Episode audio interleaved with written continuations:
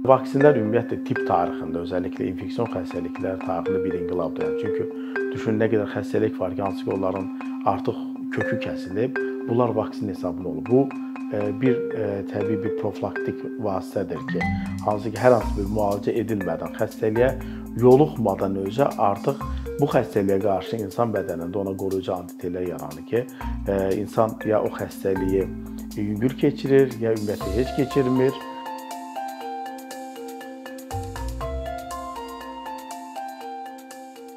Vaksinlə çiçək xəstəliyinin artıq kökü kəsilib.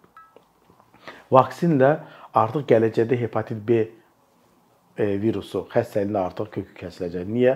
Çünki artıq hər doğulan uşağa hepatit B-yə qarşı peyvənd vurulur. Amma e, biz öz uşaqlığımız illərini xatırlayaq, o zaman belə bir peyvəndləmə mexanizmi yox idi.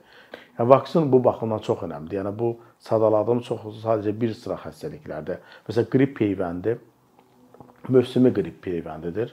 Hər il vurulur. İnaktiv virus, e, inaktiv bir vaksindir. E, eyni ilə koronavirus peyvəndində olduğu kimi.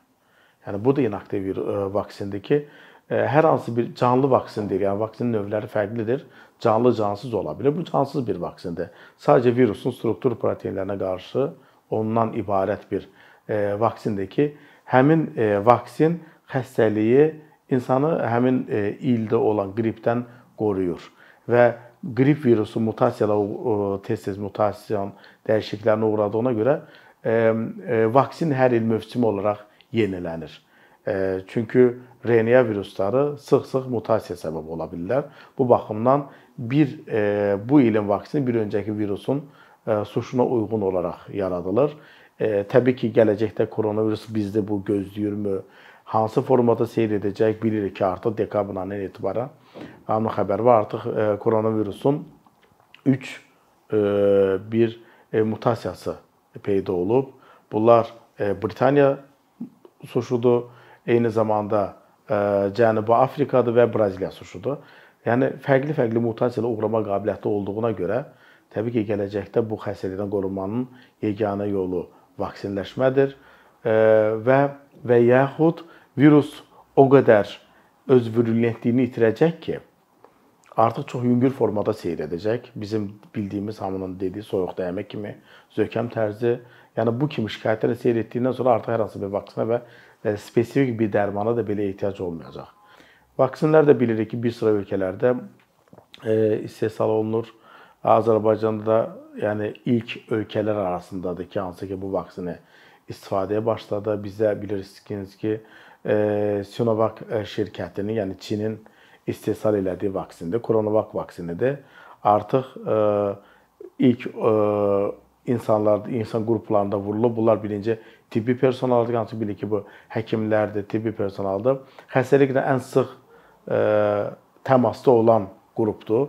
Bunları mütləq vurulmalıdır. İkinci sırada artıq yaş qrupu ilə nə qədər yaşı çox olan insanlarda xəstəliyin daha ağır keçirməyini nəzərə alsaq və eyni zamanda bu xəstələrdə mortalitet də yüksəkdir.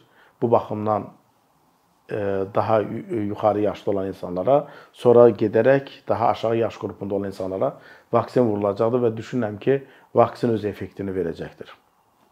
Vaksinlərin fərqliliyi əslində onların hazırlanma mexanizmindən asılıdır. Bilir ki, Azərbaycan Çin istehsalı olan vaksin istifadə edir. Bu inaktiv vaksindir. İnaktiv vaksin nə deməkdir? Yəni az öncə dediyim kimi, yəni qrip virusundakı vaksin necə inaktivdirsə, yəni cansız bir vaksindir, hansı ki virusun struktur proteinlərinə qarşı ə, yaradılmış bir vaksindir. Eyni zaman eyni ilə də koronavirus vaksini, yəni Coronavac vaksini də həmin üsulla hazırlanıb. Yəni cansız ə, vaksinin yan təsirləri də daha az olur. Bunlar nə ola bilər? E, vaksin vurulan yerdə qolda yüngül ağrı, su febri temperaturu ola bilər.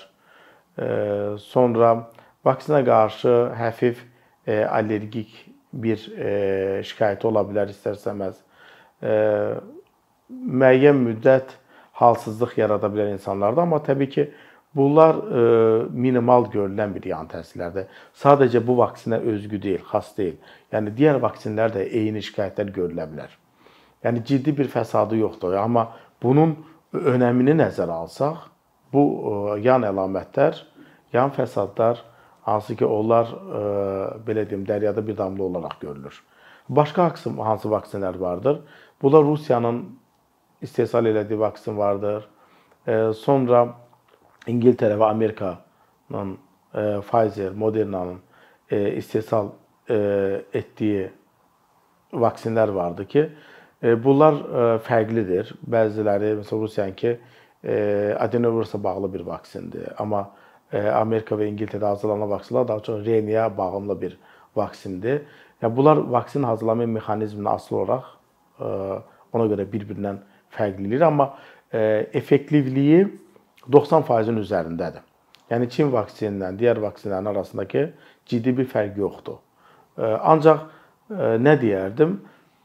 Məsəl üçün vaksinin saxlama qaydaları da fərqlidir. Məsələn, Çin vaksini 2-8 dərəcə temperaturda rahatlıqla qala bilər. Ancaq az öncə sadaladığım Moderna vaksinidir. Sonra Pfizer-in hazırladığı vaksindir ki, bunlar mənfi 70 dərəcə, mənfi 20-30 dərəcədə qalır. Yəni əgər uyğun bir şəraitdə saxlanmadığı müddətdə bu vaksin sonradan hər hansı bir effekt də verə bilməz. Yəni öz təsirini itirə bilər.